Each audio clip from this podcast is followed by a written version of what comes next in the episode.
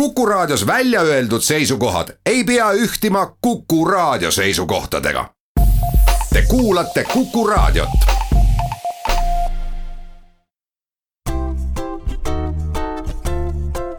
patsiendiminutid, Patsiendiminutid toob teieni Eesti Patsientide Liit. tere, hea Kuku kuulaja ja head uut aastat kõigile Rõõm on taas kohtuda ja Patsiendiminutite kahe tuhande kahekümnenda aasta esimeseks külaliseks on Eesti Õdede Liidu president Anneli Kannus. tervist, Anneli! tere kõigile ja head uut aastat ka minu poolt! no põhjus, miks ma sind täna saatesse kutsusin, on tegelikult väga lihtne. nimelt just algas õdede ja ämmaemandate aasta ja seda siis äh, Florence Nightingale'i auks, kellel on äh, sellel aastal kahesajas sünniaastapäev. mida sina tead sellest äh, Inglise daamist, keda siis kutsuti muide ka Laterna leediks, sellepärast et ta käis öösiti Laterna valgel vaatamas, kuidas ta patsientidel läheb? tegelikult ta näitas ka Laterna valgel valgust õdedele, et õed saaksid aidata patsiente.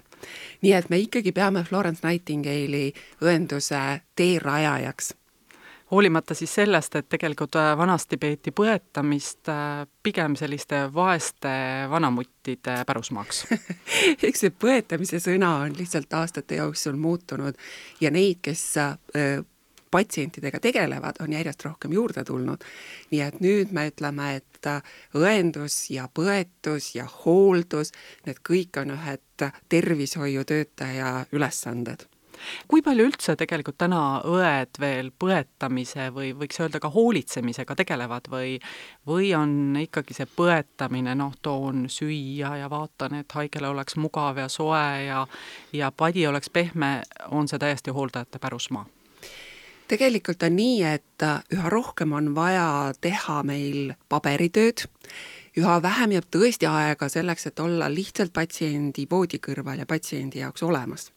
ja see on just see põhjus, mille pärast ka WHO on pööranud tähelepanu sellel aastal õdede ja ämmaemandate tööle.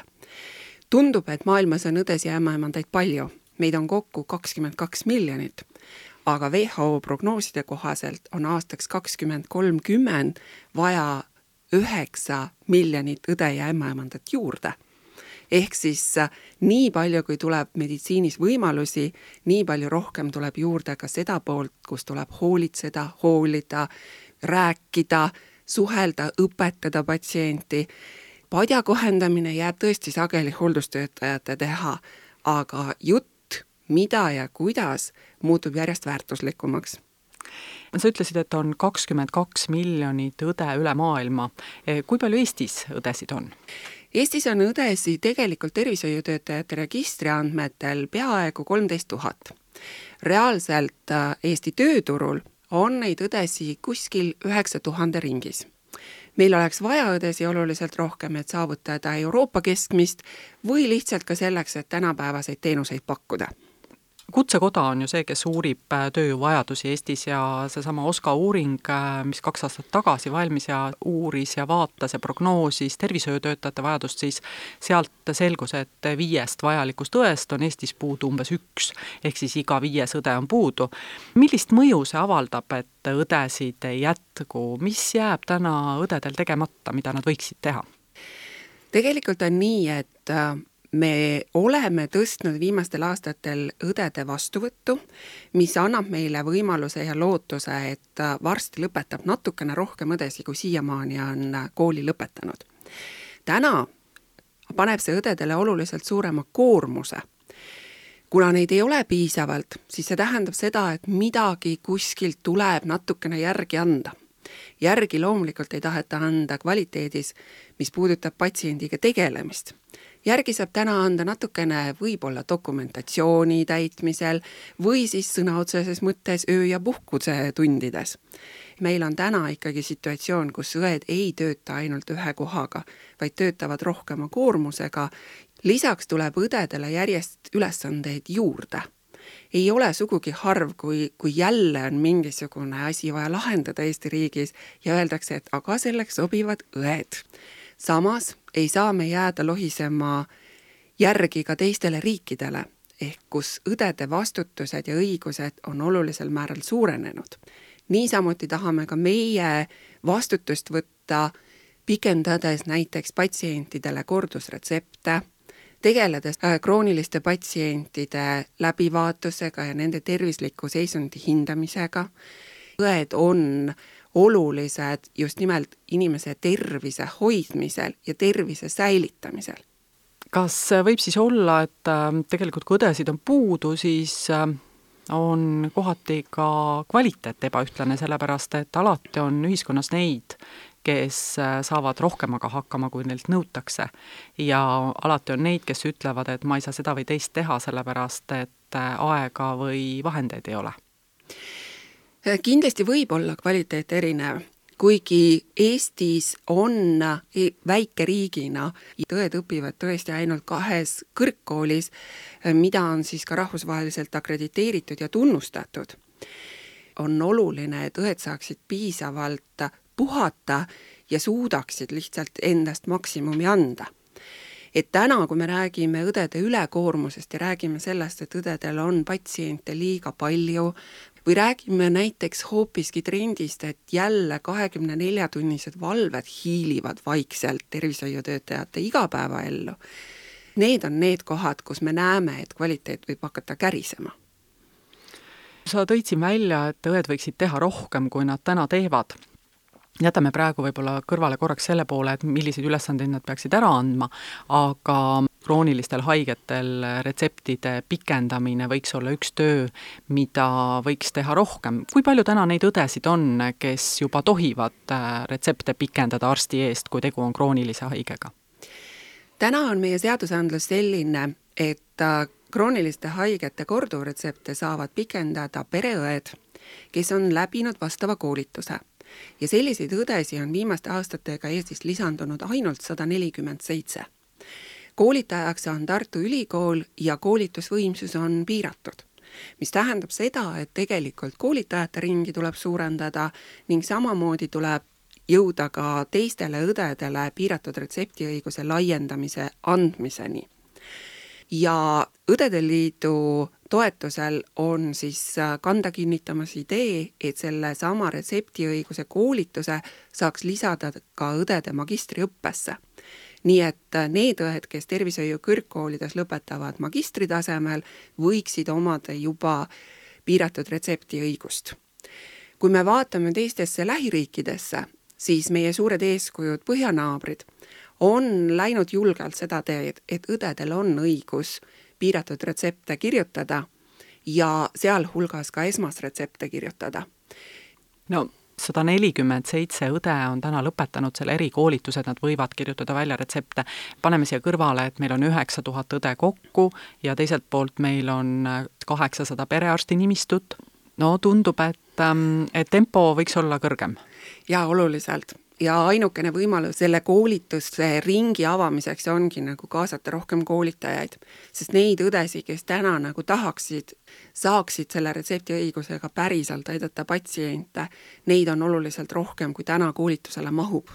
Ja noh, teiselt poolt äh, töö käib ju väga tihti ikkagi täna nii, et ähm, perearstikeskuses õde valmistab retsepti ette, arst kirjutab sellele pärast lihtsalt alla jah, mm, paraku on see nii, et, et juba kahe tuhande kuueteistkümnendal aastal Õdede Liit koos Perearstide Seltsiga pöördus Sotsiaalministeeriumi poole ettepanekuga kaaluda ka peale retseptiõiguse laiendamise näiteks äh, õdede õiguste laiendamist ka tervisetõendeid väljastada ja, ja samamoodi ka avada ajutisi mm, esimeseks kolmeks päevaks töövõimetuslehti et kindlasti on mõistlik avada diskussioon ka nendel teemadel ja võtta vastu võimalikult kiiresti ka otsused.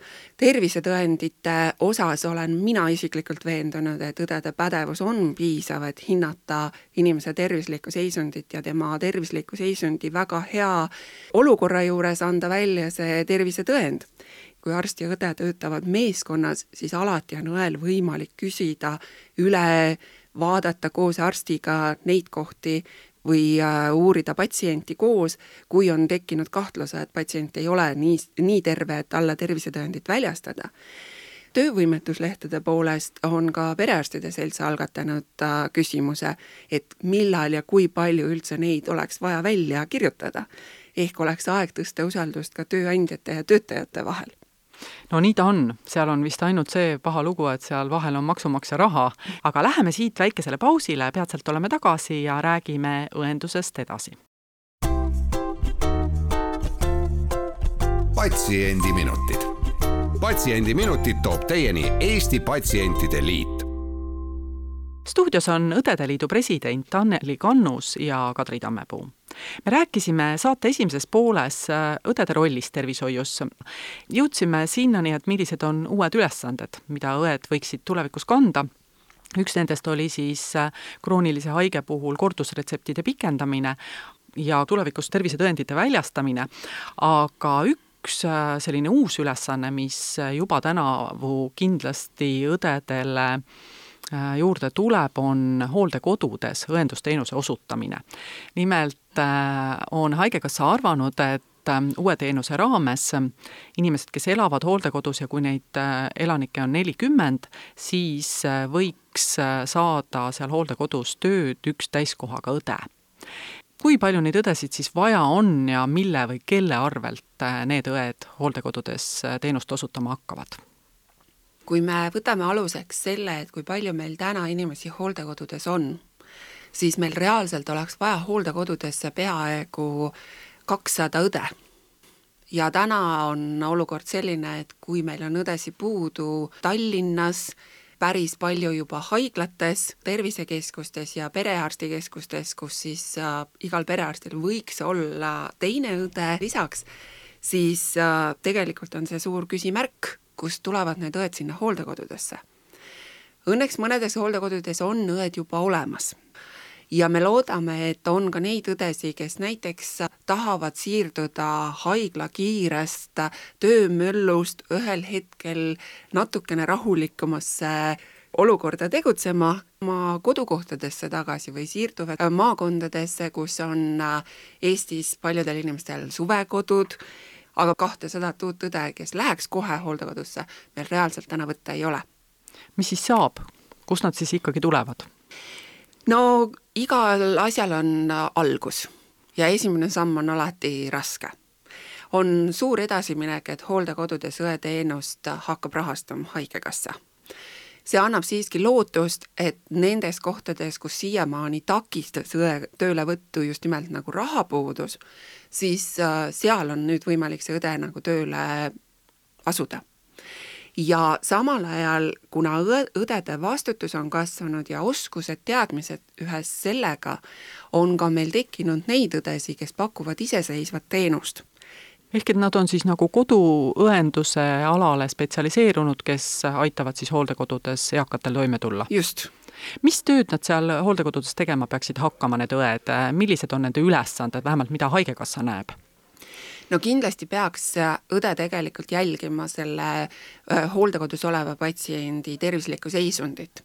ehk et märkama ka neid asju, mis siis täna võib-olla jäävad kiire töö kõrvalt märkamata kaasa arvatud mitte ainult füüsilised seisundid, vaid ka, vaid ka kõik see, mis puudutab inimese vaimset heaolu, ka seda, et missugused on inimese meeleolud, kas tegelikult sellel patsiendil võiks olla kalduvus hoopiski depressioonile, äh, täpselt samamoodi on vaja hinnata kõiki füüsilisi näitajaid ja nende korrasolekut me ju teame, et palju on hooldekodudes neid patsiente, kellel on kroonilised terviseprobleemid ja, ja nende hindamine, et kas need on kontrolli all, kas täna määratud ravimid toimivad, kas patsient tunneb ennast selles olukorras hästi ja mugavalt, kas patsient võtab ravimeid õigesti, see kõik peaks kuuluma ka selle õe kohustuste hulka kindlasti peab õde kontakteeruma hooldekodus töötades äh, selle patsiendi arstiga. on ta siis perearst või on ta siis eriarst. ja see on see, mis teeb hooldekodudes patsiendi olukorra keeruliseks, sest alati ei ole ühes hooldekodus ühte kureerivat äh, perearsti vaid täna oleme me situatsioonis, kus ühes hooldekodus võib olla palju patsiente, kellel on ka palju erinevaid perearste me peaksime proovima vaadata, et kas on võimalik ka sellele hooldekodule tekitada selline üks konkreetne kontaktarst. aga eks see saab siis näha olema, et kuidas see õde suudab organiseerida seda tööd selliselt, et see arst näeks või teaks patsiendi kohta piisavalt ja patsient saaks piisavalt palju siis abi ja toetust ka perearstilt või eriarstilt, kui ta seda vajab no loodame ja on olemas ka info selle kohta, et kas selles hooldekodus õde on tööle võetud, sest nagu ma aru saan, see ei ole täna kohustus või on? jaa, see kindlasti ei ole kohustus, vaid see on võimalus mis tähendab seda, et ikkagi hooldekodu peab olema ise huvitatud sellest ja peab ka tegelikult taotlema tervishoiuteenuse osutamise loa, selleks, et seda teenust siis üldse saaks osutada. ja lisaks siis on kindlasti oluline, et nii hooldekodu kohalik omavalitsus, õde, kes seal hooldekodus tööle hakkab või töötab, ja hooldekodus toimetav arst või siis selle patsiendi arst, et nende omavaheline koostöö hakkaks väga hästi toimima.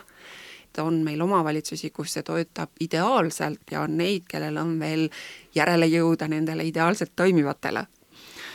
ja nüüd, kui ikkagi kas patsiendid ise või lähedased äh, tahaksid teada, mida see õde siis täpselt äh, seal hooldekodu elanikega ette võtab ja milliseid tulemusi see toob, kas seda saab lugeda ka digilugu EE-st? Me väga loodame, et ähm, kui see teenus nüüd hakkab äh, kanda kinnitama ja tekivad meil hooldekodud, kes siis võtavad õe tööle ja, ja tegelikult see teenus hakkab arenema, et siis on ka võimalik Haigekassa kodulehelt lugeda, et et missugused on siis erinevate osapoolte ülesanded seal hooldekodus nende patsientidega tegutsemisel mis puudutab äh, info jõudmisest digilukku, siis ka selles osas ei ole veel lõplikku kokkulepet, et millisel kujul hakkab info patsiendi kohta äh, hooldekodus nüüd õe poolt liikuma lõpuks digilukku. et kindlasti jõuavad digilukku need asjad, mis on äh, lõplikud aga samal ajal, kui patsient on hooldekodus äh, pikka aega ja, ja tegelikult lähedased tahaksid teada, et mis temaga toimub, siis täna on ikkagi võimalus otseselt seal hooldekodus selle õega suhelda ja, ja teada saada seda niimoodi usun, et selle aasta jooksul saab ka selgeks, et kes, millal ja kuidas siis seda infot kirjalikult vahendab. kahjuks on meie saade kiiresti liikunud lõpule aga kuna meil on uue aasta esimene saade, mida sina soovitad, kas äh, oma tuttavatele või mida sa ise uuel aastal teeksid selleks, et tervis oleks parem? ma soovitan äh, siirast ja ausat äh, koostööd. koostööd palju rohkem ja kõige laiemas tähenduses üldse. koostööd ka selles osas, kui teil on raske olla ise eeskujuks ja raske vastu võtta selliseid häid tervislikke otsuseid et rääkige teineteisega, toetage üksteist ja kuulake üksteist rohkem. see soov on ilmselt igihaljas ja proovime siis äh, sellest lähtuda. suur aitäh, Anneli, et sa täna saatesse tulid ja täname ka kõiki kuulajaid. stuudios olid äh, Õdede Liidu president Anneli Kannus ja saatejuht Kadri Tammepuu. Kuulmiseni taas nädala pärast ja seniks olgem terved patsiendiminutid. patsiendiminutid toob teieni Eesti Patsientide Liit